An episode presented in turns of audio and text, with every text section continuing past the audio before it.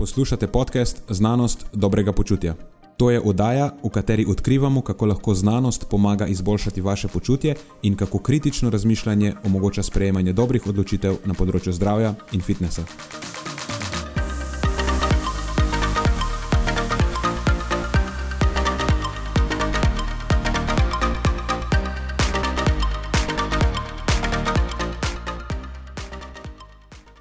Preden začnemo, pa se moram zahvaliti še našim sponzorjem.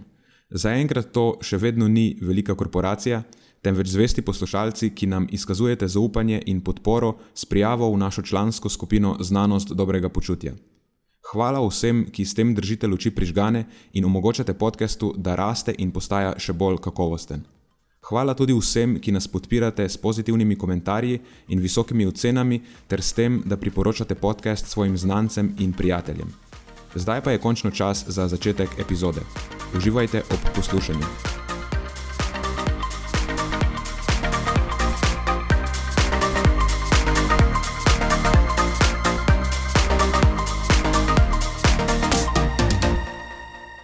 Si pripravil zapiske?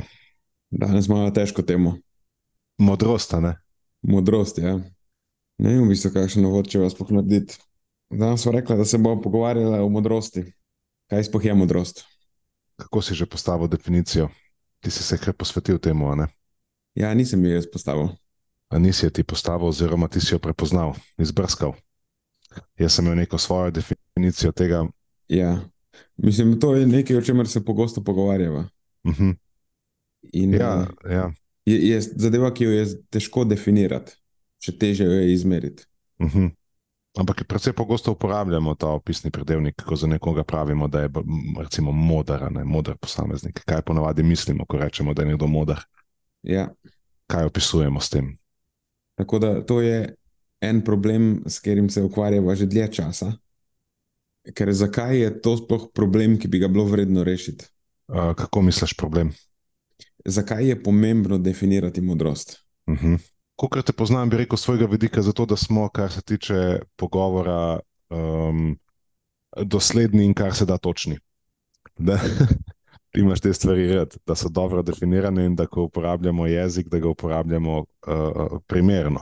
Drži. Zdaj, tako da, tako ker tebe poznam, bi najbrž bil to eden izmed pomembnih razlogov, zakaj je pomembno definirati nekaj, kar tako pogosto uporabljamo. Pred časom vem, da sva imela podobne izzive za definiranjem. Čakaj, pri tebi vem, da je šlo za razliko med teorijo in hipotezo, pri meni za razliko med iskrenostjo in uh, direktnostjo. Uh, Sprav več takih stvari, ki so v nekem splošnem pogovoru zelo pogosto uporabljene, zelo pogosto komuniciramo uh, s temi besedami, uh, pa se nam pa zdi zanimivo, vsaj meni se zdi zanimivo spremljati, kaj ljudje v resnici mislijo, ko nekaj rečejo ali ko nekaj opišajo s temi besedami. Pa opazim, da je to pa povsem drugačen način uporabe te besede, kot pa jo jaz uporabljam, recimo, ali pa kako bi jo jaz uporabil, ali pa kaj si jaz mislim o tem, da pomeni. Tako da mogoče je to uh, eden izmed razlogov, zakaj bi pa tokrat zdaj poskušala definirati modrost ali pa vsaj razgovoriti o modrosti v primerjavi s tem, kako večina ljudi modrost uporablja ali pa um, kaj misli, ko reče za nekoga, da je modar um, ali modra oseba. Ampak na tej točki je postavljanje definicij, če se konča samo pri postavljanju definicij, je še zmeraj samo masturbiranje, ker je samo sebi namen. Uh -huh. Drži, kot si izpostavil, da imam jaz rad zelo dobro definirane stvari, ampak ne samo zato, ker je to samo sebi namen, pa ker je to meni všeč, ampak jaz sem tudi zelo pragmatičen. In če se želiš dobro usmeriti v neki smeri, če želiš učinkovito rešiti neki problem, recimo, da je v tem problem, da hočeš postati moder, potem rabiš imeti dobro definiran in tudi operacionaliziran termin, moraš imeti postavljene neke kriterije, kriterije k katerim stremiš. In recimo, da bi si želel, da je čim več ljudi modrih, več kot modri, modrih ljudi, kot imamo v populaciji, večja je verjetnost, ne, da se bodo stvari odvijale v boljši smeri, da bomo vsi skupaj poživeli boljše. Ker načeloma modri ljudje sprejemajo boljše odločitve. Mislim, da je to nekako splošno sprejeto. Uh -huh. In če, če, nečes, če pa nečesa nimaš dobro definiranega, A pa, pa tudi, smem- če rečeš, ja, da jaz, recimo, zadnjič, ko smo se pogovarjali o iskrenosti, če nekdo reče, jaz, svoja, jaz se vedem tako ali pa korigiram svoje vedenja v smeri iskrenosti, imamo problem, če to ni dobro definirano. Mhm. Ker eden bo rekel, da je njegova vrednota iskrenost in da gre v smeri iskrenosti, drug bo rekel isto, ampak bosta dva šla po zelo različni poti in prihaja do razhajanja. Vidiš, kje je to problem, čist praktičen problem. Ja, In, in enako je pravzaprav pri modrosti. Ne? Zdaj, če želimo uspodbujati nek razvoj neke modrosti, rabimo imeti stvar dobro definirano in tudi dobro operacionalizirano. Pomeni, da, ne, da znamo jo nekako izmeriti, da, da znamo, kje so pomembni dejavniki, ki vplivajo na to. In tako naprej. No, in pred kratkim sem naletel na en povzetek literature, v bistvu v začetku je povzetek, članek je razdeljen na dva dela. Najprej se ukvarja z pregledom področja psihologije mo- modrosti, postavi neke teoretične okvirje, kaj sploh pomeni modrost in kakšni so neki kriteriji, pa lastnosti, boljše rečeno, lastnosti modrosti. No, v drugem delu pa potem vzpostavi tudi neko raziskovalno paradigmo za preučevanje modrosti, torej kako lahko to zdaj izmerimo, kako se izraža v praksi. In potem na podlagi tega izvede tudi par zanimivih raziskav, kjer poskuša ugotoviti, koliko zdaj te določeni dejavniki, ki so jih vzpostavili, eh, k- kolikšno varianco v neki izmerjeni modrosti eh, pojasnjuje, pojasnjujejo. Članek je že malo starejši, avtorja sta dva, kolikor jaz razumem, precej eminentna psihologa iz tega področja, Paul Balc in Ursula Staudinger, to iz Max Planck inštituta za človeški razvoj. Uh, Max Planck inštitut je tudi precej uh, ugledna ustanova. Naslov članka je pa Wisdom, a metaheuristic to orchestrate mind and virtue towards excellence. Prevod tega bi bil približno modrost, metaheuristika za orkestriranje uma in vrednot za doseganje odličnosti. In tako čisto na začetku tega članka je zapisano, da modrost smatramo kot vrhunec razumevanja človeškega stanja in tega, kaj pomeni živeti dobro življenje. E, Torej, vrhunec, eh, to je v angleščini je napisano Pinnacle of Insight into the human condition and about the means and ends of a good life. zelo zanimiv opis za enkrat. Ja, še zmeraj tako zelo ak- Mhm. abstraktna, abstraktna razlaga, ampak Privlačno, ampak ne veš točno, kaj pomeni. Ne? to si lahko vsak na svoj način razloži. Ja. Tako je. Drugač, kaj pomeni metaheuristika? Ne? Mogoče je smiselno to razložiti. Ali pa kaj pomeni heuristika sploh. Drugač, heuristike so neka pravila palca, ne znam tega bolj poenosta, po, enostavno povedati. To so neka, neke metode ali pa ja, metode za reševanje problemov na hitrejši način, v primerjavi z bolj klasičnimi metodami, ki so, preveč, ki so v nekih situacijah preveč počasne eh, za iskanje zadovoljive rešitve v ustreznem času. Pač, eh, s to heuristiko žrtvuješ del optimalnosti, celovitosti, točnosti, preciznosti pri reševanju problema v zameno za čas, da nek problem hitreje rešiš z dosti dobrim rezultatom. In ni važno, če je razlog, zakaj si to zadevo dobro rešil, v bistvu res tak, ampak v bistvu je važen cilj. Ne? Tako imamo razne pravila, palca, pa reke, po katerih se ravnamo, čeprav jih v bistvu ne držijo, ampak dajo take rezultate, kot morajo dajati. A veš, kaj hočem reči? Mhm. Razumem. Ja. Eh, No, metaheuristika pa je potem pač neka heuristika najvišje stopnje, ki je pa namenjena generiranju, prilagajanju, pa izbiri heuristik na, na, na nekem konkretnem področju. Besedo heuristika sem veliko krat že uporabil, besedo metaheuristika pa priznam, da še nikoli. Ja, to je v bistvu heuristika Ja. za generiranje heuristik. No, da jaz nadaljujem s tem člankom. Tako zanimiva mi je bila opaska na začetku v uvodu, da v bistvu z, zgodovinsko so se z modrostjo ukvarjale predvsem discipline filozofije, uh, in kaj je to teologije, oziroma discipline preučevanja religij. Ni bila to neka stvar, ki se je znanstveno preverjala, ampak je bilo tako, da debatiramo o tem, razglabljamo. Šele zelo pred kratkim je potem modrost postala predmet preučevanja, ali pa se je to zanimanje za modrost razširilo tudi na psihologijo, politologijo, antropologijo, eh, izobraževanje, kognitivne znanosti in tako naprej. In zdaj, če hočeš ti znanstveno uh, raziskovati neko stvar, potem je ključno, da imaš dobro definicijo in da imaš ta koncept, ki ga raziskuješ, operacionaliziran. Uh, kot nek, zdaj v tem primeru je to nek psihološki konstrukt, znanstveno utemeljen psihološki konstrukt. Ali še moraš definirati, moraš postaviti kriterije. Po domače povedano je to, moraš narediti objektivno merljivo in preverljivo. In To, mislim, to je zdaj točno konkretno problem, s katerim se je ta članek uh, ukvarjal. Je zelo, na zelo zanimiv način so, se mi zdi, tudi uspešno to uspeli narediti, vsaj v začetku. Maš moš razumeti, da ta stvar je evidentno eh, zelo v, v povojih, ampak mislim, da zaenkrat jim je dovolj dobro uspelo to, česar so se lotili.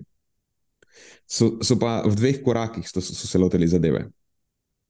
Um, da so prišli do zaključka, so rabili uh, dve, dve teorije. Rabili so implicitno teorijo modrosti, to je tista, ki se ukvarja z vprašanjem, kaj sploh je modrost ali kaj razumemo kot modrost, in potem eksplicitno teorijo modrosti, ta pa se ukvarja s tem, kako se modrost izraža in kako jo lahko izmeriš.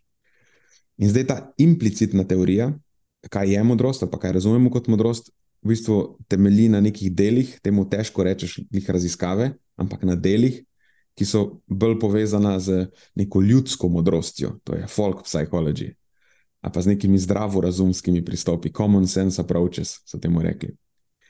In potem, ko so pregledali, um, oziroma ko so analizirali ta kulturno-zgodovinska dela, so, so prišli do petih zaključkov. Torej, na podlagi teh uh, kulturno-zgodovinskih del, kaj je tistih nekih uh, pet lastnosti modrosti.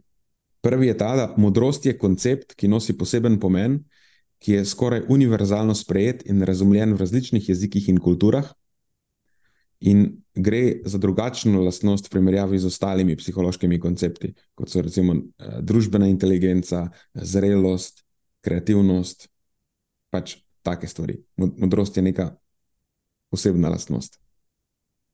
In ki je univerzalno sprejeta in razumljena v različnih jezikih in kulturah. Moder tukaj, pa moder tam, pomeni približno podobna stvar. Potem druga stvar je, modrost je prepoznana kot izjemno visoka stopnja človeškega delovanja. To sem jaz prevedel iz Exceptional Level of Human Functioning. In povezana je z odličnostjo in ideali človeškega razvoja. Spet prevedeno iz Excellence and Ideals of Human Development. Potem tretje, modrost pomeni stanje zavesti in vedenje, ki vključuje koordinirano in uravnoteženo rabo intelektualnih, čustvenih in motivacijskih aspektov človeškega delovanja.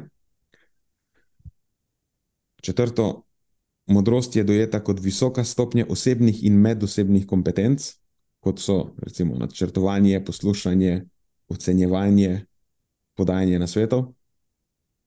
In pa peti, modrost vključuje dobre namene, oziroma dobro vero in učinkuje tako v lastno dobrobit, dobrobit posameznika, kot tudi dobrobit vseh ostalih, na katere posameznik posredno ali neposredno vpliva. Tako da, če se vrnemo na tisto univerzalnost, v katero koli kulturo greš, načeloma nekako tako razumejo modrost. No, ampak to ni bilo za dost, če zmeraj je to vse zelo abstraktno. In potem sem v nadaljevanju avtorja postavila nekih sedem splošnih kriterijev, ki povzemajo naravo modrosti, pa lastnosti modrosti. In na podlagi teh sedmih kriterijev je, eh, je, je bila potem oblikovana tista eksplicitna teorija, torej eh, tisti kriteriji za operacionalizacijo eh, modrosti. Ker so dejavniki, ki so povezani z razvojem modro, modrosti. To so potem lahko dejansko šli raziskovati. Ampak da se vrnem zdaj nazaj na teh sedem splošnih kriterijev, ki povzemajo naravo modrosti. Torej, prvi. Modrost se nanaša, oziroma se ukvarja z odgovarjanjem na pomembna in težka življenjska vprašanja, ter strategijami za usmerjanje in usmišljanje življenja. To je v bistvu področje, na katerem se meri ekspertiza, koliko je nekdo moder ali pa ne. Veš, tako kot se recimo vem, fizika ukvarja z preučevanjem veš, fizikalnih zakonov, in tako naprej, ali pa kot se biologija ukvarja z naravo in živimi organizmi, tako se modrost ukvarja z pomembnimi in težkimi vprašanji, pa strategijami za usmerjanje in usmišljanje življenja. Potem je drugi kriterij, da modrost vključuje zavedanje o mejah in pomanjkljivostih vlastnega znanja ter zavedanja, in vključuje razumevanje negotovosti in kaotičnosti sveta.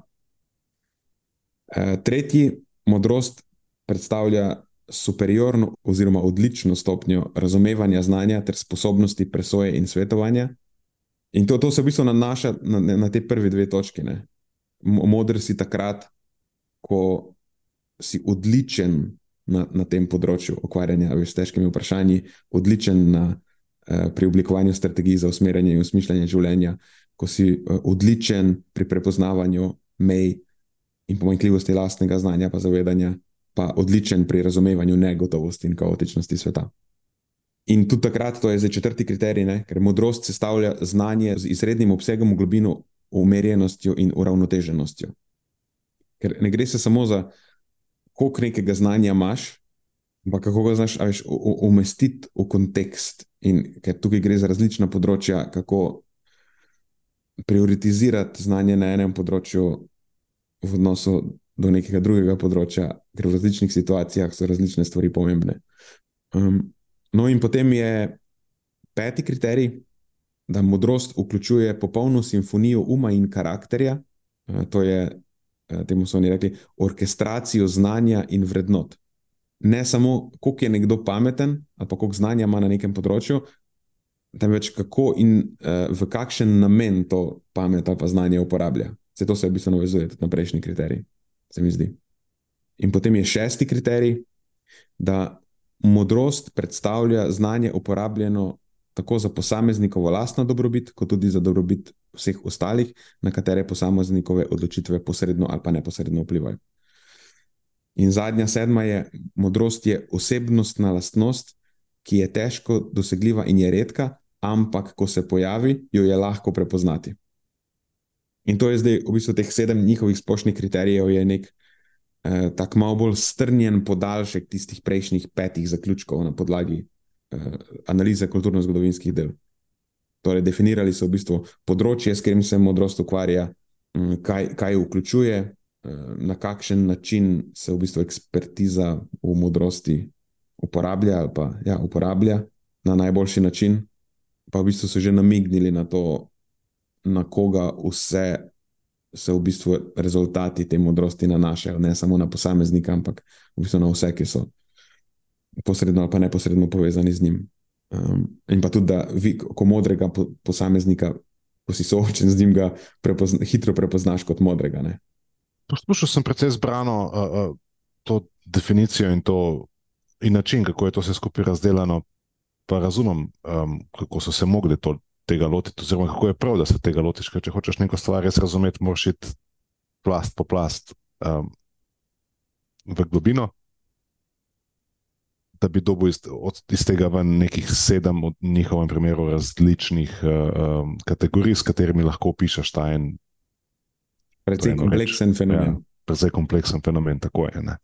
Um, med tem, ko sem te poslušal, ko sem poskušal to stvar v svoji glavi sestaviti skupaj, sem istočasno se soočil z dvema um, izzivoma. Prvi je, kako se skupaj poskušati, poskusiti poenostaviti, najprej sam sebi, da bi lahko v eno stavek mogoče povzel, ker je, je drugačno težko razumljivo. Vse skupaj lahko je poslušati, uh, je privlačno poslušati, ampak če te na koncu uh, vprašam, kaj si povedal, ne, imaš pač malo težavo, kot si sam rekel, težko je artikulirati Um, tako da sem se ukvarjal s tem izzivom, kaj za me pomeni modrost, kaj, kako sem jaz modrost uh, razumel vse do zdaj, pa koliko je to zdaj skladno s tem, kar sem slišal, pa kako lahko upgradam to, ali pa koliko je še vedno tesno. In drugo, koliko luken lahko zvrtam v um, vseh teh sedem točk, ali pa v to splošno, um, še posebej to zadnjo, ali pa zadnji dve, češ, da je modr človek nekdo, ki ga je splošno um, preprosto uh, prepoznati, ali je pa očitno postane, ko si, v, ko si soočam s tako osebo. Uh, tukaj um, imam neki luken. Um, in, in tudi uh, vidim, kje je lahko težava uh, v današnjem času, morda še posebej, um, ko zahteva ta lastnost, postavljati tudi druge, ali upoštevati tudi vplive tvojega vedenja, tvojega početja, tvojega svetovanja, kar ko že počneš, na posredno ali neposredno na druge ljudi, ne samo na sebe. Na se, Tako da no, to, dvoje, to dvoje mi je bilo, recimo, ne, se pravi, kako lahko nekako uskladim svoje dojemanje modrosti s tem, kar sem slišal, in kako lahko istočasno mogoče postavim nekaj pod vprašanje ali pa opozorim na neki um, mrtvih kotov, ki pa jih ta, ta, ta razdelek, vseeno, po mojem, ima ali pa jih je vredno vsaj upoštevati, um, ker po mojem, mogoče ni spet tako um, očitno prepoznati modro osebo danes. Pa mislim, da vse en ta čas, če izhajam iz tega, kako funkcioniramo, ima nekaj specifik v delovanju, načinu našega delovanja, nekih uh, vrednotah, ki se spodbujajo v okolju, v katerem živimo. Da nisem prepričan, če bi bili soočeni z modrostjo v obliki neke izkušnje z nekom, da bi, res, da bi bilo za večino ljudi res tako očitno, To hočem povedati, upam, če, če me razumeš.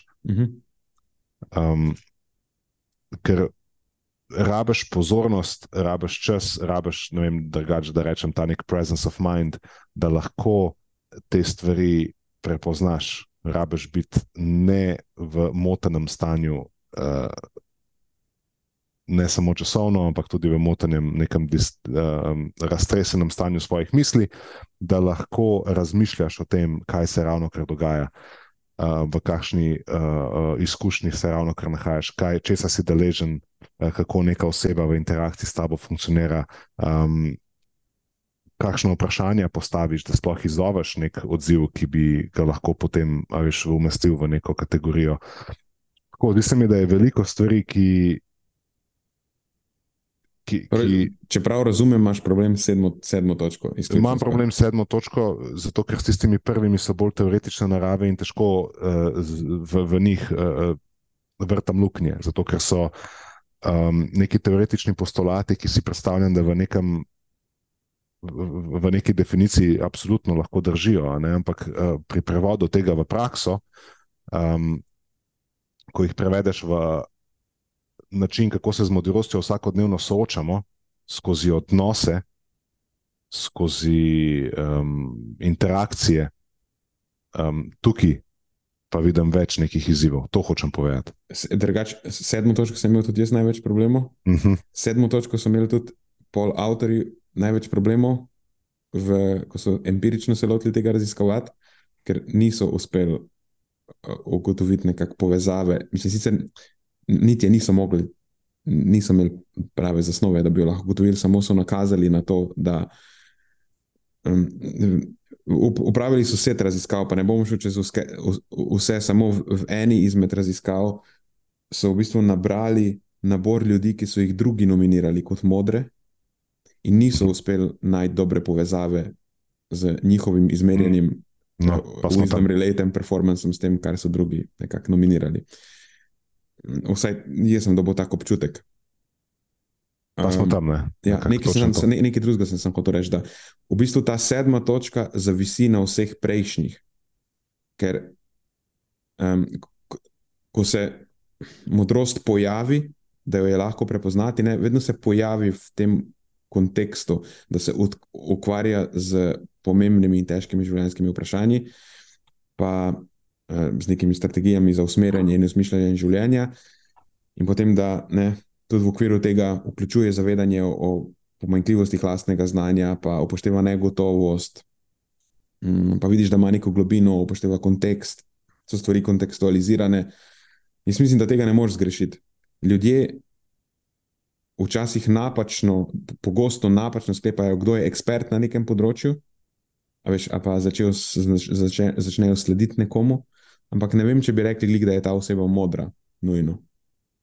Rekli, da, je, da je pametna, pa da je Tako. ekspert na tem področju. Ampak ni zelo jasno, ali je modra ali pa ni modra dejansko. Samo na osnovi tega, da ima neko znanje. Ne? Ja, da, ampak um, ko pa nekdo prepozna nekoga, to je pa modra oseba.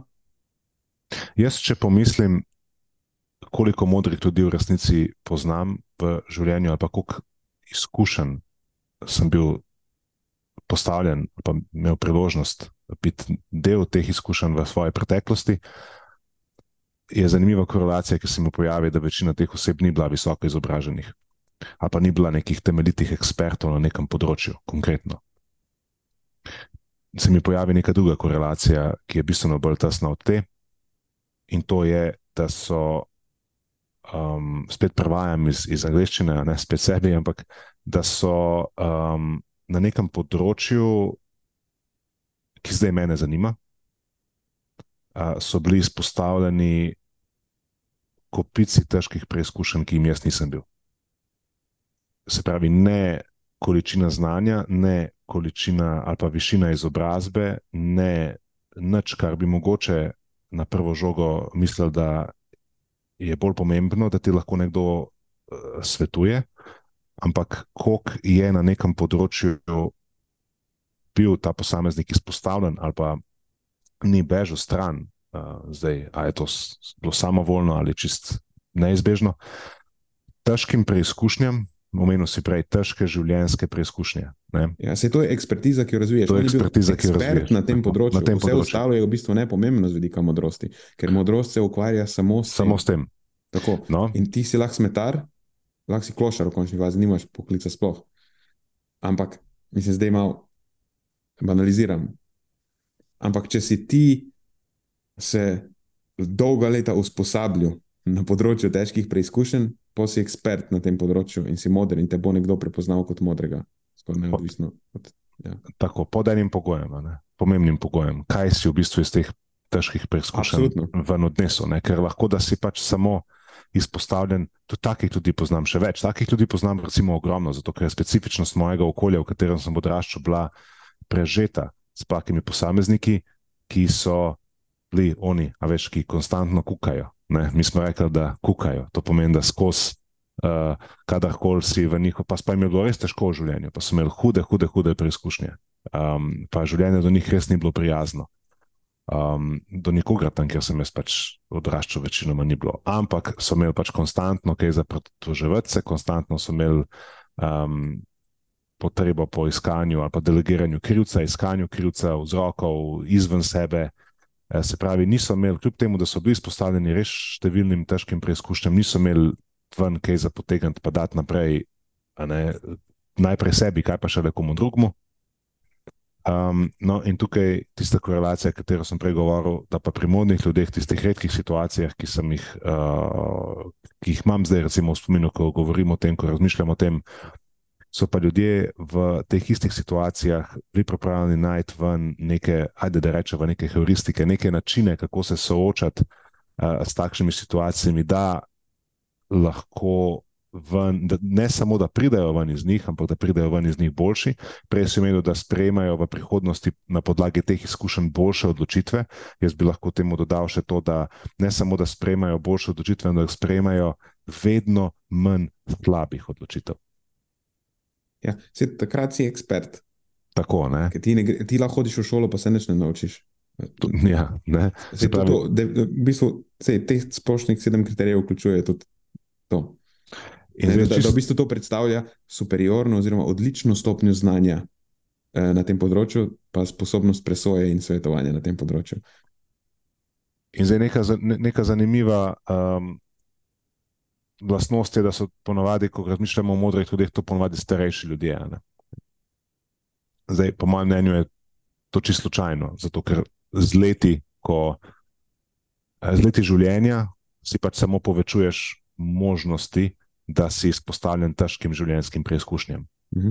No, obstajajo ljudje, ki so um, relativno mladi, pa so lahko bistveno bolj modri kot pa nekdo, ki lahko že skoraj celo življenje preživel, pa dal ne vem kaj, dve vojni čez, ampak nekako nima, a ne ni iz tega vam potegnil nekaj, kar bi bilo, um, s čimer bi si lahko osmislil življenje, ali pa olajšal življenje, ali pa pomagal do te mere, da bi spremljal v svoje odraslosti potem bolj premišljene odločitve, ali pa vsaj ne spet enako neumne, kot jih je spremljal tudi prej, ki je bil mlajši. Se pravi, hočem povedati, da obstajajo ljudje, ki konstantno štancajo eno isto.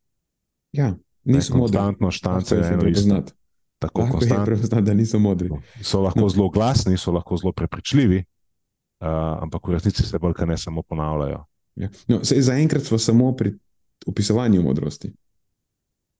Nis, nismo še. Eh, nismo še šla na to, kaj so zdaj dejavniki, ki vplivajo na to, ali pa kaj so neke um, konkretne manifestacije, več kako se modrost izraža. Uh mhm. -huh. Ker to se, zgodi, to se, zgodi, to se zgodi v naslednjem koraku.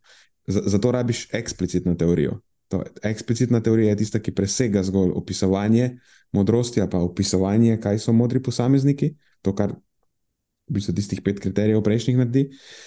Ampak eksplicitna teorija Eksplicitna teorija se pa osredotoča zdaj na vedenske manifestacije, ali pa bolje rečeno, kako se modrost izraža. In namen tega je, da lahko potem to empirično uh, preučuješ. Ne? Vse to v smislu, pač najprej operacionaliziraš ta koncept, da lahko z njim delaš, da, da ga lahko kvantificiraš, in potem v nadaljevanju identificiraš. Eh, oni so temu rekli predhodnike, korelate in posledice modrosti v praksi ali pa resničnem svetu.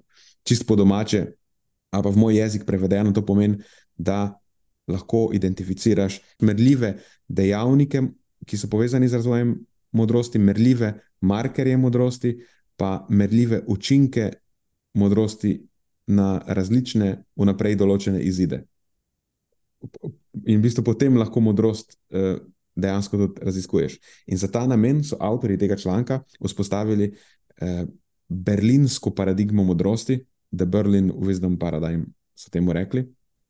In na podlagi tistih prvih kriterijev oni so to nekako poenostavili, da ta berlinska paradigma modrosti meri modrost kot ekspertizo v fundamentalni pragmatiki življenja ali pa meri modrost kot mojstrstvo v temeljnih in najpomembnejših praktičnih življenjskih veščinah, ki mu omogočajo učinkovito usmerjanje in usmišljanje dobrega življenja. Pač, da je modrost nek ključen dejavnik v oblikovanju dobrega in kakovostnega, lahko te, temu rečeš, življenja, ali pa mogoče približevanja idealov dobrega življenja. Um, in en, en zanimiv koncept, ki se ga pravilo spostaviti, je ta temeljna pragmatika življenja, ne? da je modrost je ekspertiza v tej temeljni pragmatiki življenja.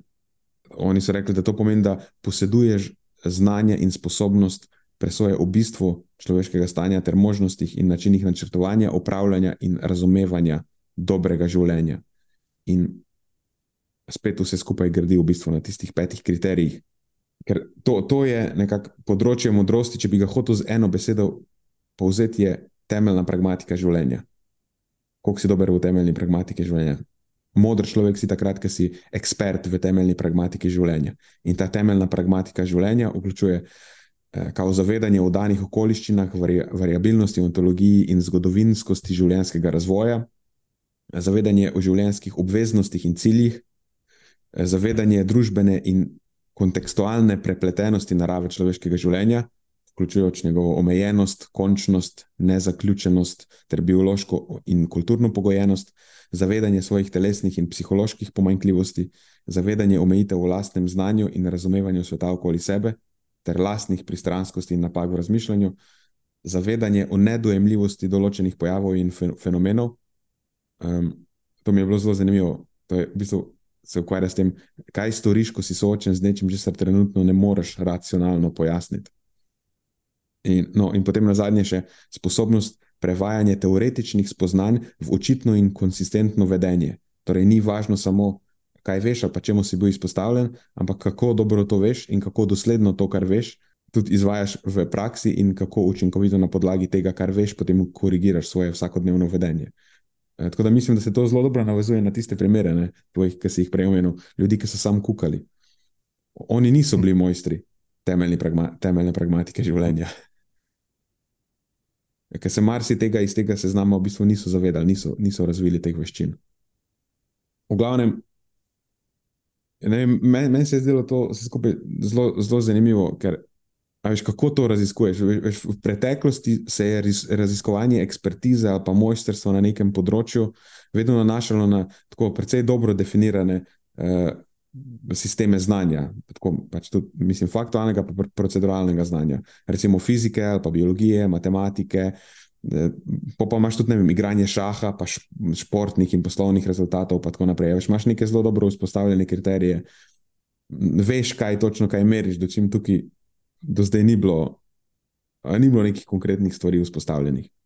No, da je da končno prijeva, zdaj do malo bolj praktičnih stvari.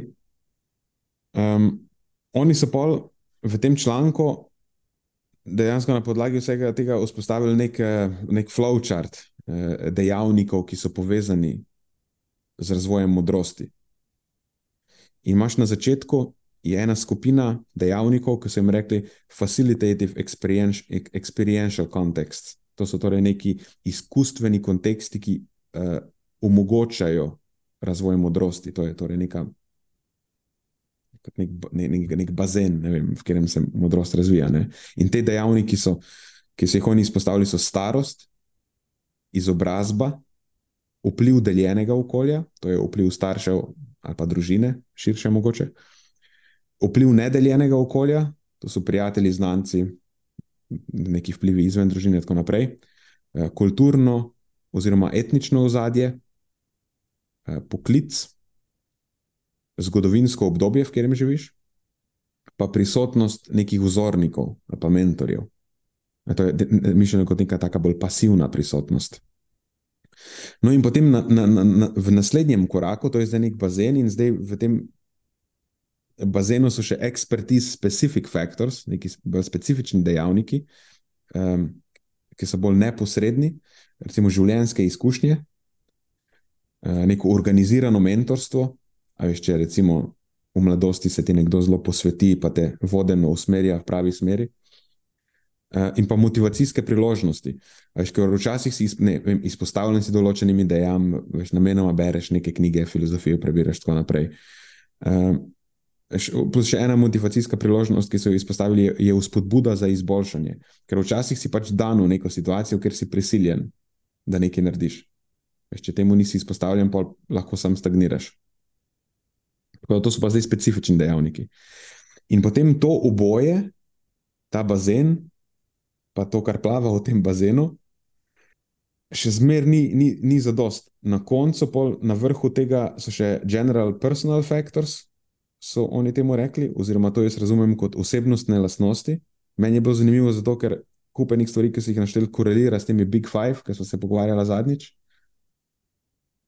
Uh, no, in tukaj so oni izpostavili, izpostavili dejavnike, kot so kognitivna mehanika, to je vem, po domači povedano, kako nekako tvoji možgani funkcionirajo, eh, duš, duševno zdravje.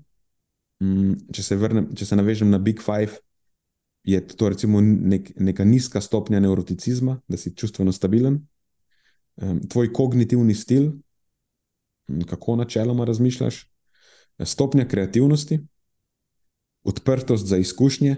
To je v Big Five spet openness to experience. Pa močan ego.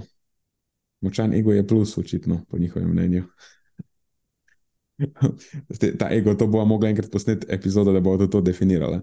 Ampak načeloma močan ego pomeni, da razumeš dobro sam sebe, pa veš, kje stojiš, pa nisi, pa nisi zelo labilen za stvari, ki se dogajajo okoli tebe. Ego je še ena stvar, ki se v današnji družbi zelo veliko omenja in uporablja, pa se mislim, da razume precej drugače od tega, ja. kako bi bilo fajn, da se. Ja. Um, tako da mogoče to zaenkrat lahko ta močan ego prevede v, v nek, neko močno samozavest. Mogoče je to boljši izraz na tej točki. No, in potem tudi to ni dovolj, ampak pa obstajajo še organizacijski procesi, to je pa nekaj stvari, ki, se, um, ki ti v bistvu niso dane ali pa niso del tvojega okolja, ampak je nekaj, kar se v bistvu moraš priučiti.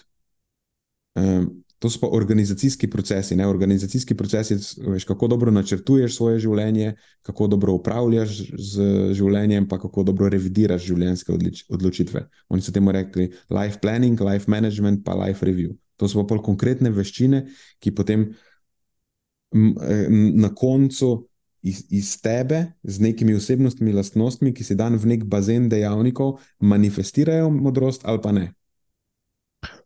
V bistvu si prikazal, da gre za eno izjemno kompleksno reč, pravi konglomerat nekih dejavnikov, uh. -huh.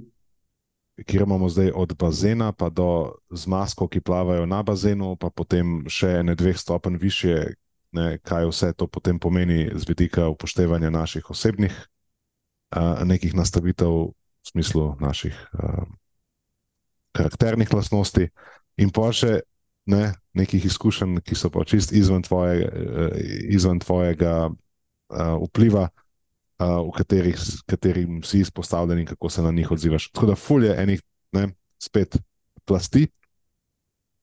In zato vidim, kje je težava, ne, ker je to zadevo res težko razumeti. Saj meni deluje tako, težko je razumeti, težko je uh, um, jo predstaviti na en tak zelo univerzalno, preprost, razumljiv način. In zdaj, če je že v osnovi težko razumeti, ker je tako preplastena, potem bo najbrž to pojasnilo tudi vsaj del, zakaj se ne samo tako redko pojavlja v resnici. Ampak tudi zakaj z njo mogoče s to besedo uh, opletamo, oziroma jo prepopamo na neke stvari, ki mogoče samo delujejo na prvi pogled dovolj podobne temu. Veš, kaj uh mhm. -huh. hočem reči? Se pravi, za neko omejeno pozornostjo, s katero se soočamo danes, in za nekim nezavedanjem, kaj v resnici v zadju vse modrost um, zahteva, potem lahko zelo hitro pridemo v neko situacijo, kjer smo Tukaj vidim tisti problem subjektivnosti modrosti. Ne, subjektivnosti, ker lahko da je modrost odvisna ne samo od posameznika in vsega tega, kar si naštel, ampak tudi subjektivno od tistega drugega posameznika, ki je v stiku z njim, ker lahko da pripopa neke, ne, neke, nek opis ali pa opredelitev, čist vezano na svoje lastne pričakovanja in potrebe. No, ampak oni so se temu probali, s tem, točno s tem eh, ja. izogniti. Ker zdaj smo se pogovarjali na tej točki, točki, samo še spet o dejavnikih, ki vplivajo na razvoj modrosti. No, zdaj pa prideva do kriterijev za operacionalizacijo modrosti.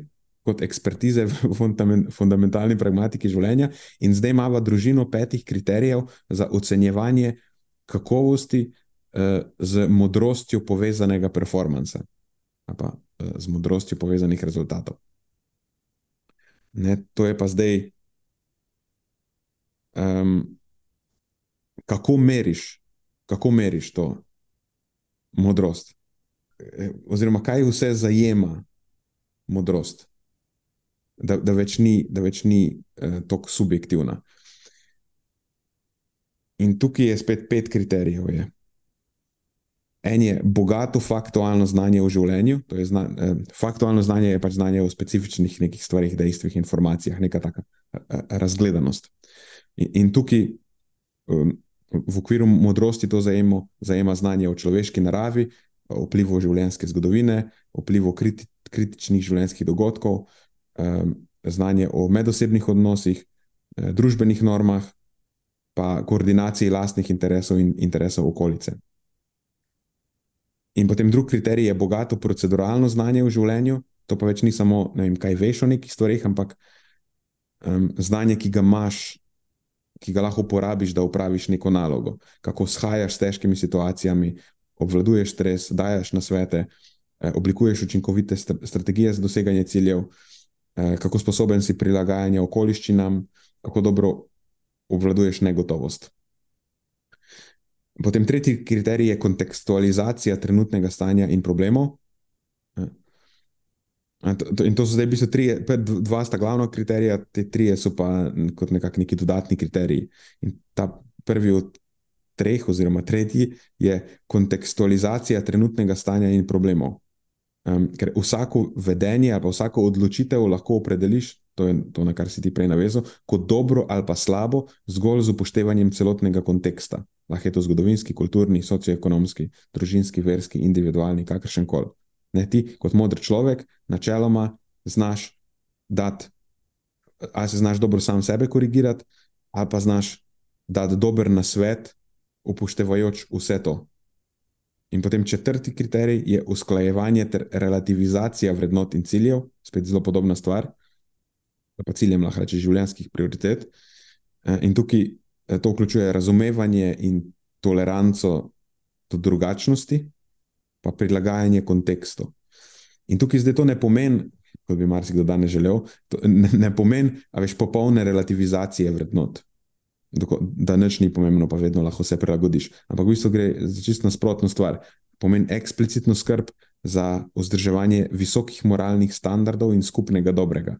Veš, imaš neke univerzalne, univerzalno sprejete vrednote, imaš pa tudi neke vrednote, ki so zelo, ali pa ja, cilje ali vrednote, ki so zelo odvisni uh, od konteksta in potem v teh situacijah moraš presojati, pa moraš upoštevati in razumeti te različne vrednote ali preference uh, vseh udeleženih. Tako da, ko je nekdo moder, a veš, v bistvu nima, nima veze, kdo pride k njemu po nasvet, recimo. Ali pa če si, veš, če si moder, nima veze, v kateri situaciji se znajdeš.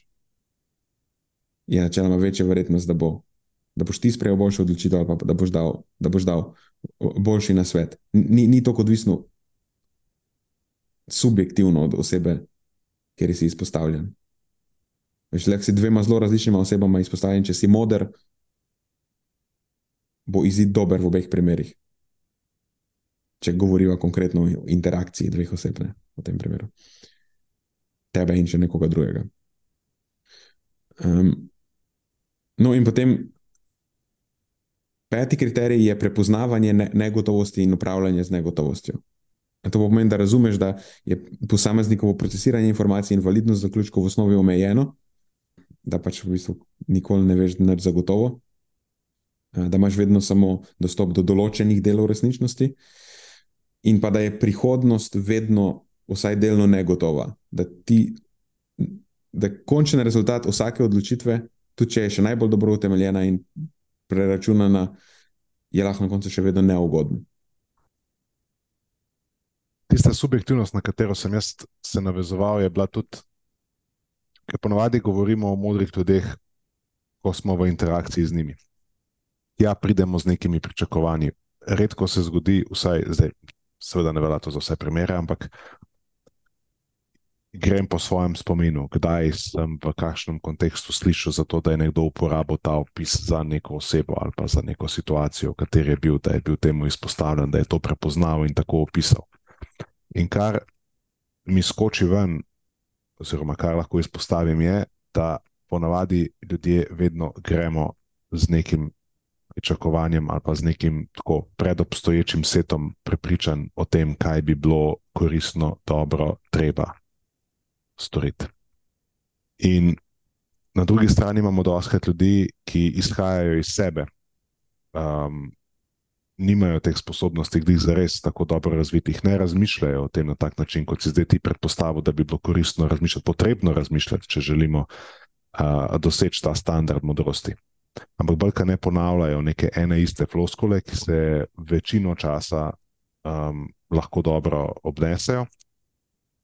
In zdaj, če združiš ta dva scenarija skupaj, pride nekdo, ki že vnaprej ima nek predobstoječ set nekih prepričanj, ki jih želi potrditi, pride tja k nekomu, mu ta oseba nekako to tudi pove, reče, in itak, a ne lahko se zelo hitro v prevodu izgubi, a ne in se uporabi, ne sej le, to je pa nek modrec, a ne, ki pač ponavlja ene iste nauke. Um, čeprav prka ne hod, hodiš tja ali pa slišiš to, kar si se namenil ali pa želel slišati, čeprav ni tisto, kar bi rabo slišati. In tudi tisti, ki je na svete podajal, ni izhajal iz tega, kar je v tem tvojem, tem konkretnem primeru, ne recimo, poštevajoč vse dejavnike, ki si jih izpostavil, najbolj relevantno upoštevati, oziroma katera smer je torej tista, ki je ti zdaj ne vidiš in bi bilo mogoče jo smiselno ti pomagati na način, da se jo osvetli. ampak ti lahko velika ne samo poda.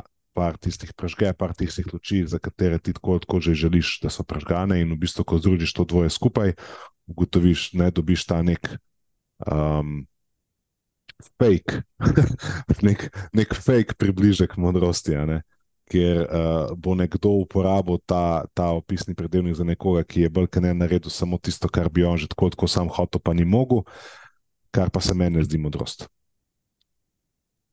Ja, točno ja, ampak točno to si omenil, samo želel sem povedati, da, se, da, da je pa to nek, uh, nek nivo, ki je v družbi zelo pogosto um, zreduciran na modrost.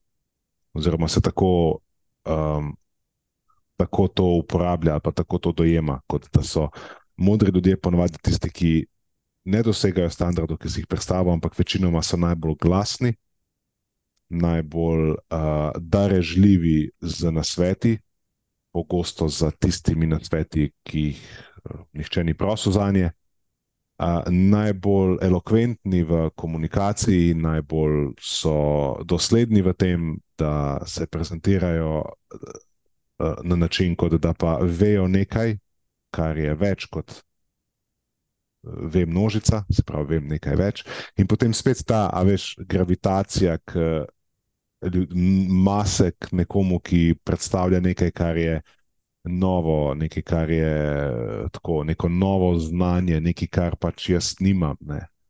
Um, ja, to so bolj šarle, šarlatani. To je eden izmed kriterijev za šarlatane. In to je, glih sem hotel nekako na to navezati, ja. Da, da, da je modrost, to je bila moja zadnja misel, da je modrost v današnji družbi, v kateri živimo, zelo pogosto interchangeably used ne, za ja. šarlatane. Ja, um, to je ta problem, veš, da, da posameznik doskrat ne more pravilno prepoznati no, nekih to... fenomenov ali pa stvari. Se zato imamo znanstvene raziskave. in da več tega so se oni pravili tako loti. Oni so zdaj to zelo definirali, pa operacionalizirali to celo zadevo, kako jo, kako jo lahko zmeriš. Um, in, in so, zdaj pa dejansko so izvedli neke empirične ocene, naredili so par raziskav. In zanimivo je, kako so se lotili zdaj, kako ti zmeriš. Um, kako ti zmeriš, koliko je nekdo moder? In to so naredili tako, da so uh, udeležence v standardiziranih okoliščinah soočili z raznimi težkimi situacijami nekih namišljenih ljudi.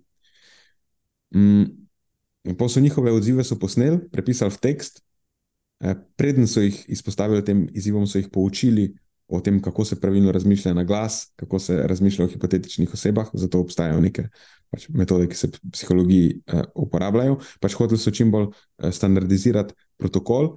Pa so zbrali panel sodnikov, ki so bili predtem usposobljeni, pa v rekovajih nakalibrirani za upoštevanje eh, kriterijev, za ocenjevanje odzivov na te izzive. In na podlagi teh petih kriterijev, ki sem jih prej omenil, um, so vsi odzivi lahko bili uvrednoteni na lestvici od 1 do 7. In nek, nek odziv je bil kvantificiran kot moder, če je bil ocenjen z več kot 5 od 7. In oseba je bila določena kot modra oseba, če je bila ocenjena z več kot 5 od 7 po vseh petih kriterijih. In zanimiv primer, primer je, recimo, problemov, ki so jim bili ti udeleženci izpostavljeni. Vem, upra, dobili so vprašanje: eh, Prejmeš telefonski klic dobrega prijatelja, ki ti sporoči, da pač več ne more nadaljevati življenja takega, kot je, in se je odločil za samomor. Kaj narediš v tej situaciji? Ali pa eh, bil je Eh, predstavljen primer, ko recimo oseba reflektira o svojem življenju in pa se zaveda, da ni dosegla tega, kar je upala ali kar je želela, da, da bo, in zdaj zapade v neko depresijo. Kaj v tej situaciji narediš? A pa obstaja en praktičen primer, ki so ga dodali dejansko v, v ta uh, appendix, torej v, v, v, v prilogo.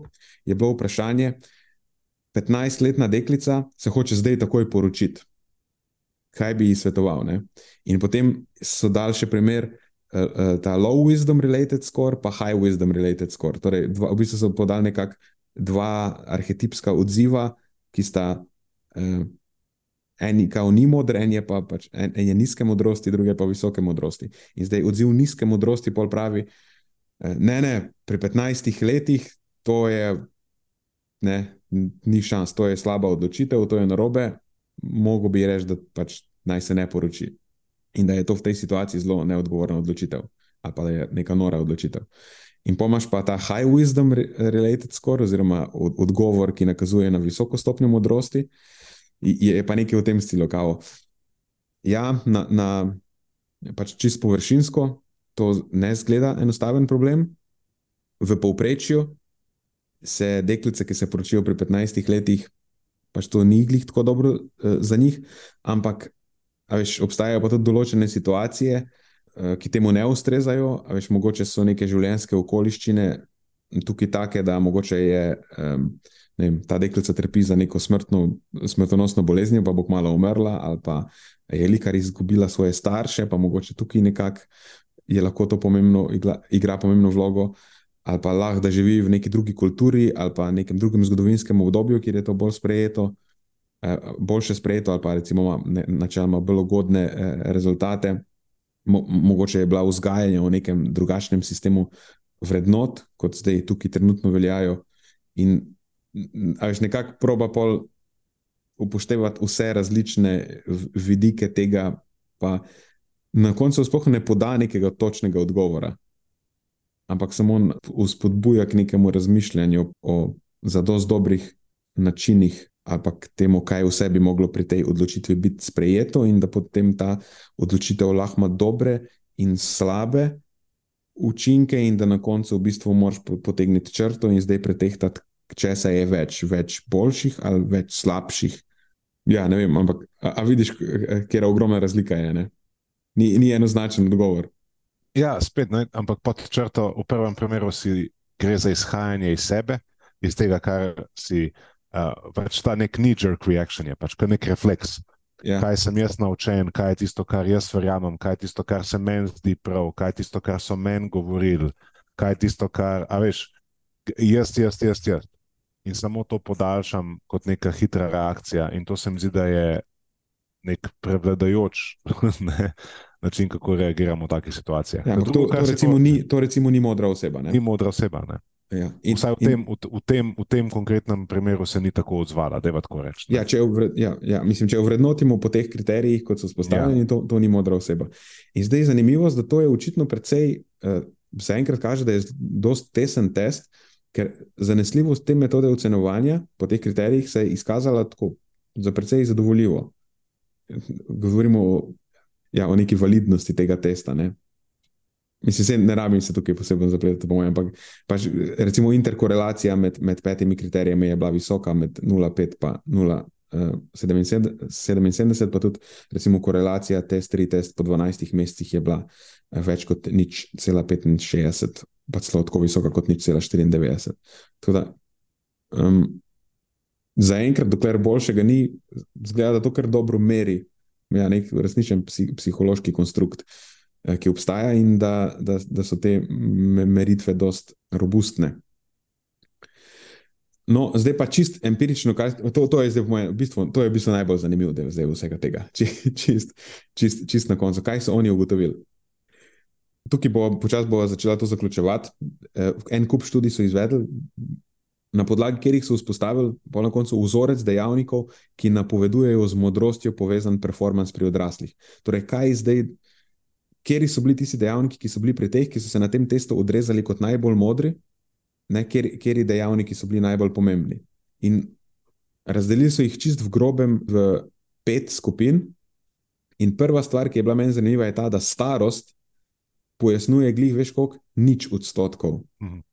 Variabilnosti v, mhm v, v modrosti. V bistvu, ko poštevaš vse ostale dejavnike, je ravna črta. Brez presenečenja, torej tukaj. Ja, ni bilo statistične značilnosti pri starosti. Potem pa recimo inteligenca. Tukaj so oni merili to z raznimi psihometričnimi eh, indikatorji. Ta inteligenca v tem primeru se navezuje na generalno inteligenco po, po katelu. Um, tukaj spet, da ne dolgovezim, gre za fluidno pa kristalizirano inteligenco. In ta eh, inteligenca pojasni slabo eno sedmino, okoli 15 odstotkov variabilnosti v modrosti. Tako da vidiš, da niti ni tako visok delež. Ne rabiš imeti neke full visoke stopnje generalne inteligence. Zaenkrat tisto moje, kar sem govoril prej, še kar drži. Ker sem rekel, da niti neka stopnja izobrazbe oziroma inteligence, niti starost. Ja, ja. No, in če gremo naprej, zdaj ja. začela smo pri najmanj pomembnem, gremo proti uh mhm. -huh. najbolj pomembnem. Uh mhm. -huh. Naslednje so pol osebnostne lastnosti, ki pojasnijo dobro eno petino, okoli 20, 21 odstotkov. Te osebnostne lastnosti, ki so bile najpomembnejše, so odprtost za izkušnje, nagnjenost k osebnostni rasti, pa sposobnost samorefleksije in introspekcije. Uh mhm. -huh. Spet, v bistvu zelo pričakovano. Uh mhm. -huh. Zelo, ja. Se pravi, ta sposobnost introspekcije oziroma samorefleksije.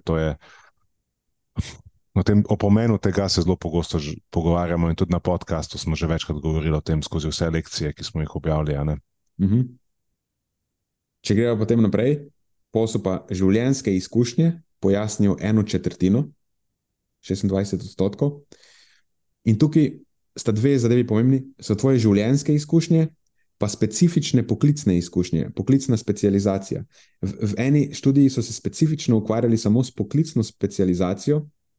Naredili so uh, to, da imeli so študijo s kliničnimi psihologi, ki so jih primerjali z odraslimi s podobno stopnjo izobrazbe in starosti, in pri, pri kliničnih psihologih se je pokazala višja stopnja uh, z modrostjo povezanega performansa. Ampak, ker, veš, potem tukaj imaš potencialno še moteč dejavnik uh, osebnostnih lastnosti. Pač možno je, da ljudje z določenimi osebnostnimi lastnostmi se odločajo za poklic kliničnega psihologa. Uh, so, potem, so potem naredili še model, kjer so upoštevali vpliv inteligence in osebnostnih lastnosti, in uh, se je poklicna specializacija v, tej, uh, potem, v tem modelu tudi izkazala kot uh, zelo pomemben, uh, pomemben dejavnik. Eh, in pol še v eni naslednji raziskavi so nasplošno, ne samo na kliničnih psih, psihologih, nekaj stvari preverjali. In v bistvu kaže, da tudi poklic, v katerem se udejstvuješ, ti lahko servira določene izkušnje, sploh če so to poklici, kjer se ukvarja z reševanjem problemov drugih ljudi, ki te uspodbujajo, da rasteš, sploh če imaš ne, potem še ostale dejavnike. Torej, to je zanimivo, da, da recimo neki servis, ne, ne, ne toliko servis poklici, ampak neki svetovalni poklici so zdaj bolj ugodna, bolj plodna tla za razvoj modrosti, kot recimo neki poklici, ker se ukvarjaš samo s stvarmi. Pa, ne z ljudmi. Ja. Um, tako da to se mi je zelo zanimivo. No, in pol pa prijeva na koncu, to najpomembnejše skupine dejavnikov, to so pa. Da, um, oni so temu rekli stičišče osebnosti in inteligence, ki pojasni eno tretjino variance, oziroma 35 odstotkov. To je dobra ena tretjina. In tukaj so pa kot tri stvari izpostavili tvoj kognitivni stil, način, na katerega razmišljaš, stopnjo kreativnosti, ki jo imaš, pa družbeno inteligenco. Uh -huh. um, tukaj je še ena pomembna stvar.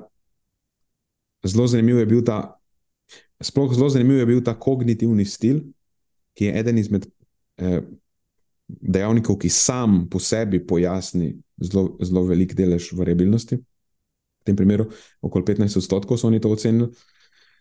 Um, torej, način, kako razmišljaš. In dva kognitivna stila, ki so jo oni izpostavili, je judicial style. Um, to je nek, kako razmišljaš. Razsoden. Na, ja, da, da lahko ja, na nek ja, razsoden način razmišljaš. Um, ta judicial style pomeni ocenjevanje in primerjavo problemov, s katerimi se ukvarjaš. Da, da znaš, da imaš, ko si izpostavljen nekemu problemu, znaš vse različne vidike pokriti, pa enega z drugim primerjati. Ne, da, veš, kaj hočem reči, da si, da si uh -huh. nagnjen skoraj k nekemu razmišljanju, ne, ne v pomiselnem ozorcu, ampak sestavljanju seznamov in primerjanju stvari ene, ene z drugo.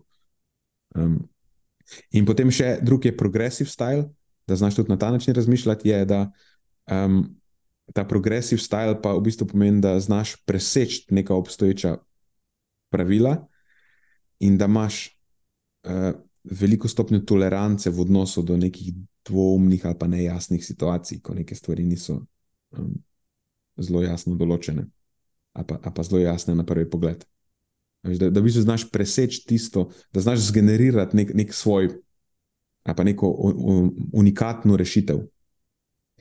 In ja, v bistvu to bi bil zaključek. To je vzorec dejavnikov, ki napovedujejo z modrostjo povezan performance pri odraslih. Starost ni pomembna sploh, inteligenca je tudi relativno nepomembna, čeprav 15 odstotkov ni tako majhen delež, eh, še zmeraj to, veš, kakšno mašino imaš v mhm. glavi, na nek način bo pomembno. Seveda.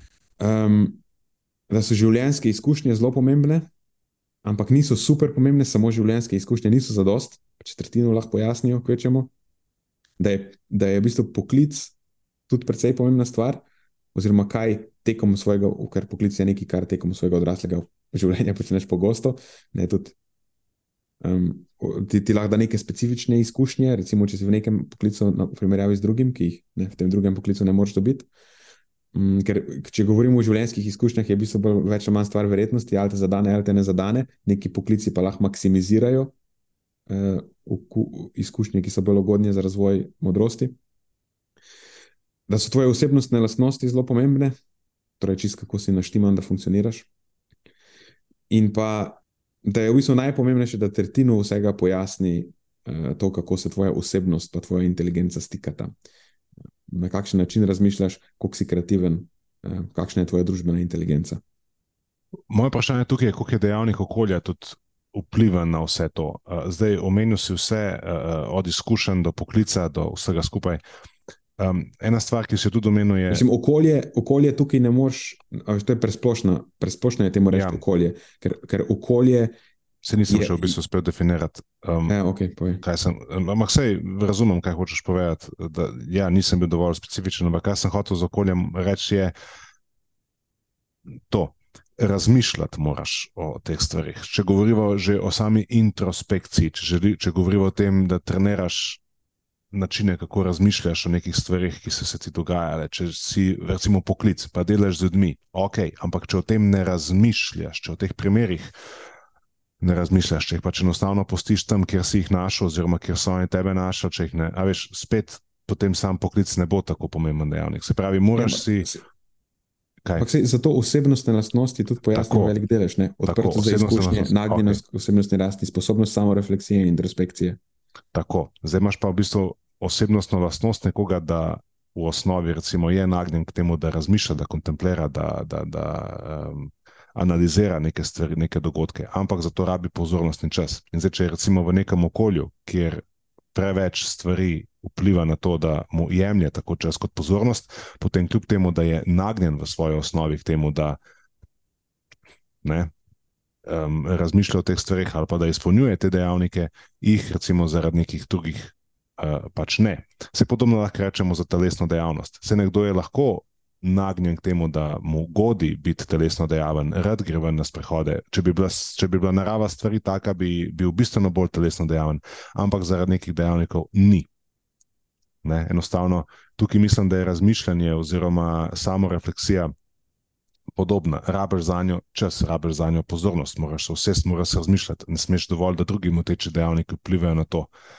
Um, zdaj, če pa tebe vsake dve sekunde nekaj zmoti, ne? pa v bistvu kljub temu, da si ti mogoče um, temu iskreno nagnjen, oziroma da, da, da je to nekaj, kar te veseli, enostavno ne. Druge stvari ta proces lahko zmotijo. Eh, če povem samo neko svojo izkušnjo, veš, da vsako leto pišem tiste lekcije, ki so ene izmed najbolj konkretnih čas, ko ga namenim. Mislim, da je to zajeto pod, pod, pod življenjske izkušnje, v, v delu tistih 26 odstotkov.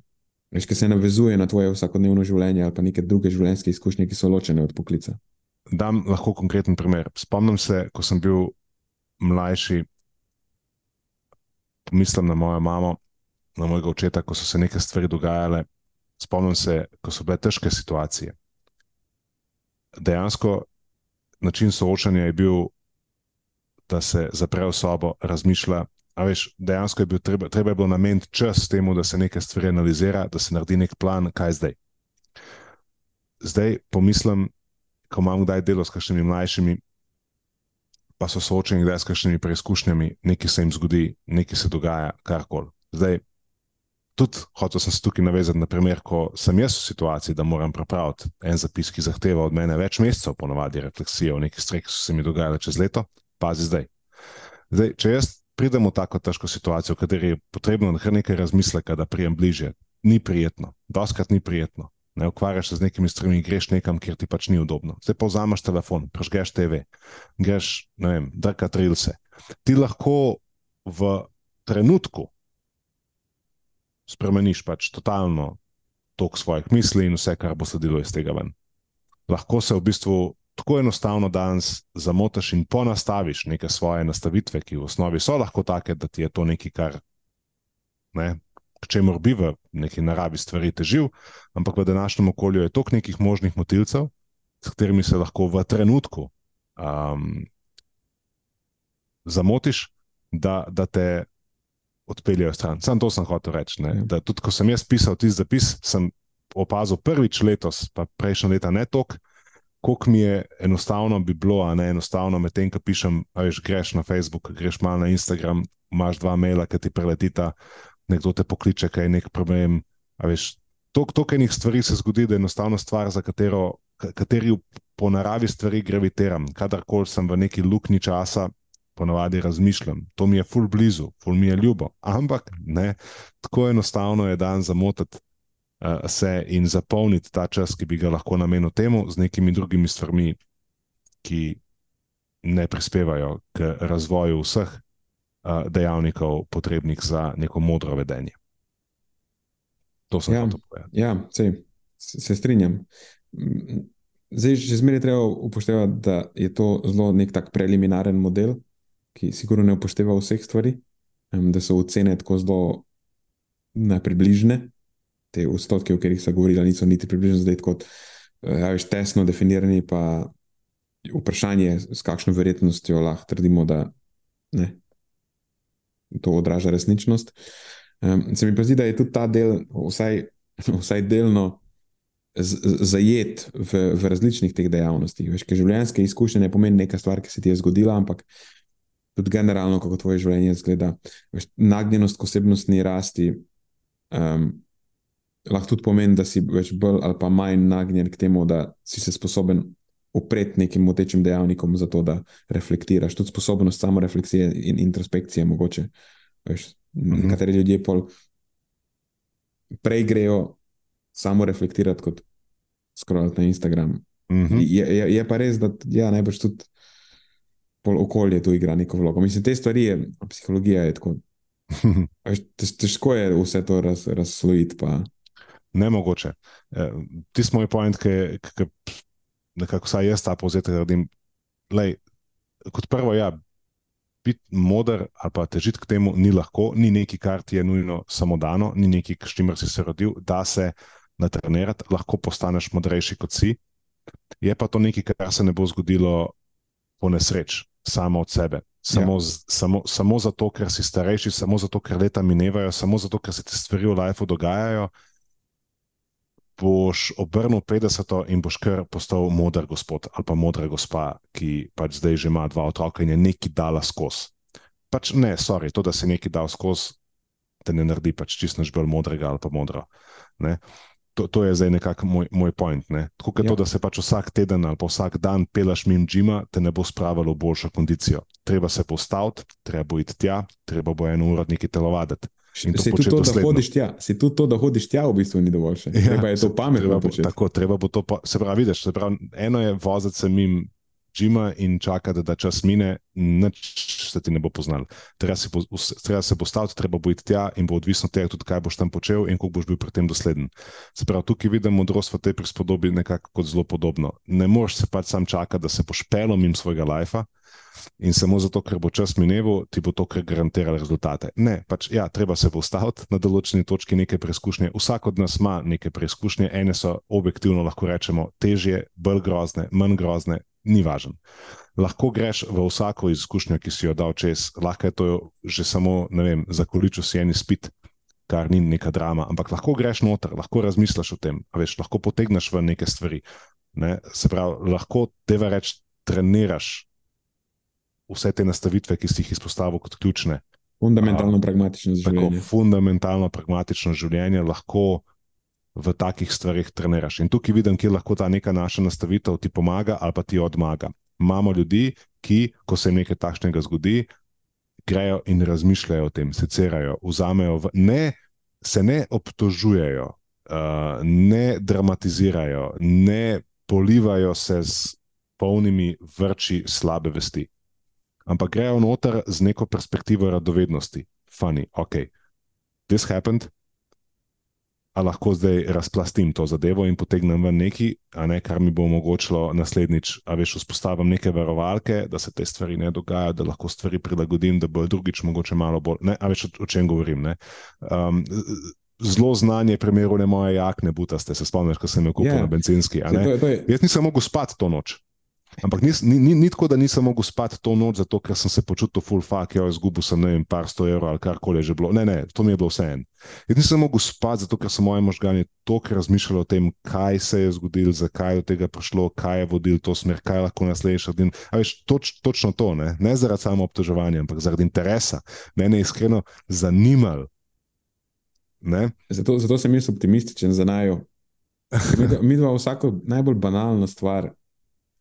Breakdown. Ja, in, in vse posod skozi iščeva neke lekcije. Se spomniš zadnjič, ko smo bili v Londonu, ko smo bili v neki pizzeriji. Ker tako, po moje, tri četrt stvari, ki so, ki so se nam tam zgodile, bi lahko elegantno pozabila, ampak mi se vsako stvar, a veš, tudi doskrat se pogovarjamo o tem, kakšen je servis pri nekih stvareh, pa zakaj. Ja, ja. Kako, Ja. kako, kako to na najo vpliva, ali pa zakaj se določeni ljudje v določenih situacijah tako obnašajo. pa- Uh -huh. No, evo, in tukaj imaš drugo, dru, drugi, drugo, drugi tip, drugo vrsto ljudi, ki pa v takih situacijah enostavno grejo dalje. Aha, to se je zgodilo, le nima veze zgubljati tukaj časa, energije, pač pej dalje.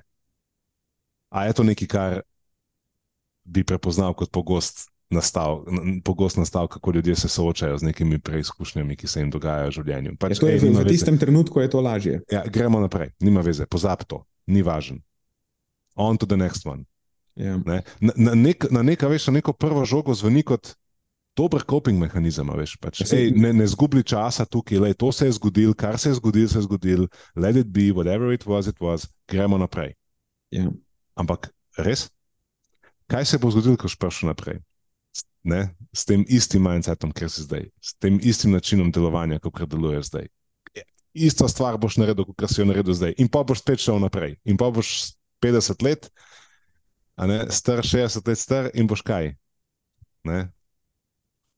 Ja, 500 tič boš 500 izpostavil isto boš- stvar in boš in boš- 500 tič naredil isto stvar. Ja, tako, da, tako da tukaj vidim eno pomembno past, no, kjer lahko neka, evo, primer, ko govorimo o heurist, heuristikah, kjer lahko pač ena heuristika, ki si se jo navadil uporabljati, um, pa ti zveni kot nekaj, kar je logično in uporabno in koristno, pa te vodi v bistvu stran od tega, da treniraš modrost. Ne? Če smo že pri tem. Tako da zato sem jaz nekako omenjal, da ne gre samo za količino izkušenj, ki si jih postavljam, ampak količino nekih, jaz sem del temu pod navednicami, čeprav to ni nekaj, s čimer bi bil ti čez vidika uh, uh, določitve zadovoljen, težkih preizkušenj. Ker kaj to težke preizkušnje v bistvu zares pomenijo? Po moji definiciji so težke preizkušnje tiste, ki te po naravi uh, prisilijo v to, da se ustaviš in da razmisliš. Vsi vemo, da neke stvari pač enostavno ne moreš. Se pravi, to je moje, moje dojemanje, kako jaz zdaj delam ločnico med težko izkušnjo, čeprav kaj to zdaj težko pomeni.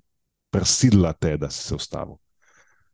Se pravi, Ja. pri nekih se moraš ti sam prisiliti, da greš o njih razmišljati. Ta moja jakna, o kateri sem prej govoril, jaz bi komot lahko šel naslednji dan dalje, če bi bil tak človek, le, vse vse en, tistih 100-200 evrov bomo pozabili, gremo dalje, nima veze. To je nekaj, kar res lahko. Ni bila takšna težka izkušnja, da me je prisilila v to, da se ustavim.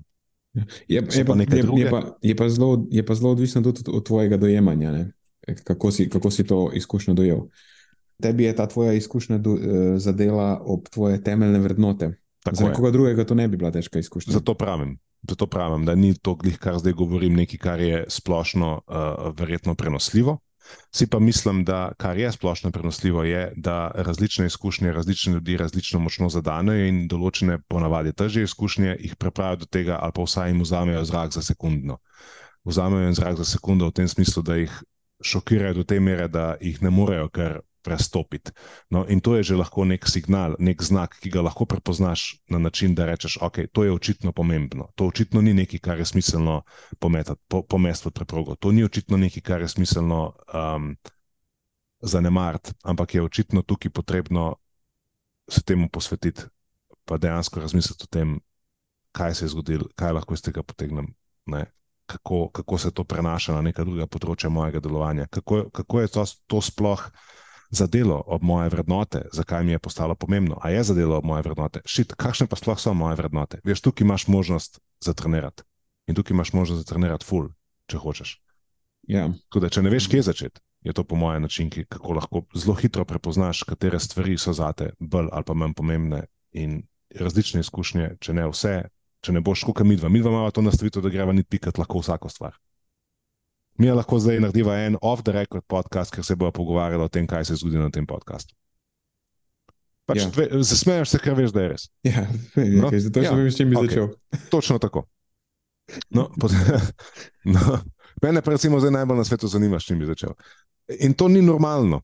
No, ampak imaš pa potem ljudi, ki recimo morajo veš, biti izpostavljeni nekom, nekemu stimulu, da ga prepoznajo. In zato je recimo ta, evo, neka updated heuristika, tista, ki jo ponovadi ja. jaz v definiciji te modrosti pol iščem. Se pravi, kakšna je bila tista izkušnja, ki ti je vzela sapo, da je vreš težka izkušnja, in zdaj kaj si se iz te izkušnje v bistvu zares naučil, kaj si vzel ven, kaj si prepoznal, kako si prišel zdaj ven, ne, uh, okrepljen uh, v, v nadaljevanje. In to je tisto, kar me potem zanima. In zdaj tukaj si lahko star 20 let, 30 let, 40 let, vseeno je. Ne? Ja, moš, moš imeti neko mero inteligentnosti in, in, in razdelanega načina uh, razmišljanja, da sploh znaš te stvari skupaj sestaviti.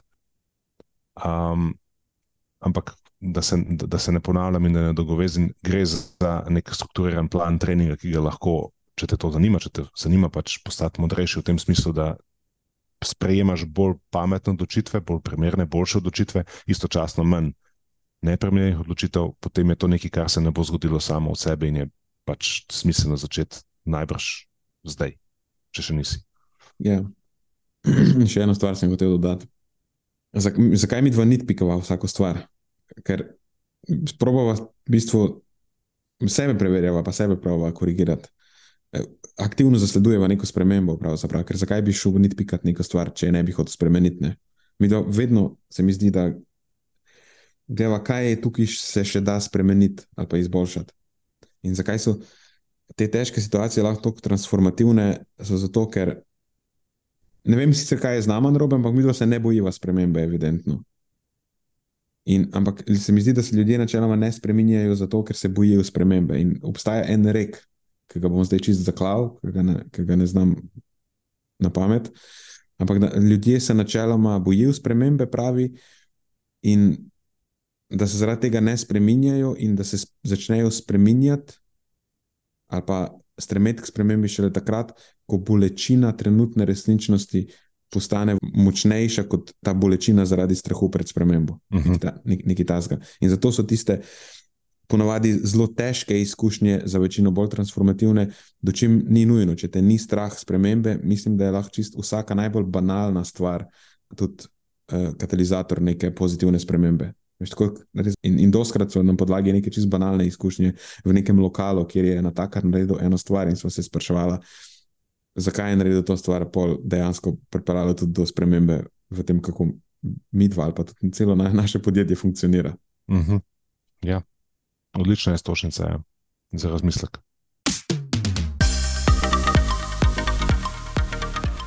To je za tokrat vse iz naše strani. Hvala, ker ste poslušali do konca. Delite epizodo s svojimi znanci in prijatelji in jo priporočajte dalje, saj s tem omogočite, da sporočilo znanost dobrega počutja doseže čim večjo množico. Hvala vsem, ki nas podpirate s članarino in tudi vsem ostalim, ki delite podcast dalje in nam izkazujete naklonjenost z visokimi ocenami in pozitivnimi komentarji. Se slišimo prihodnjič, do takrat pa ostanite premišljeni.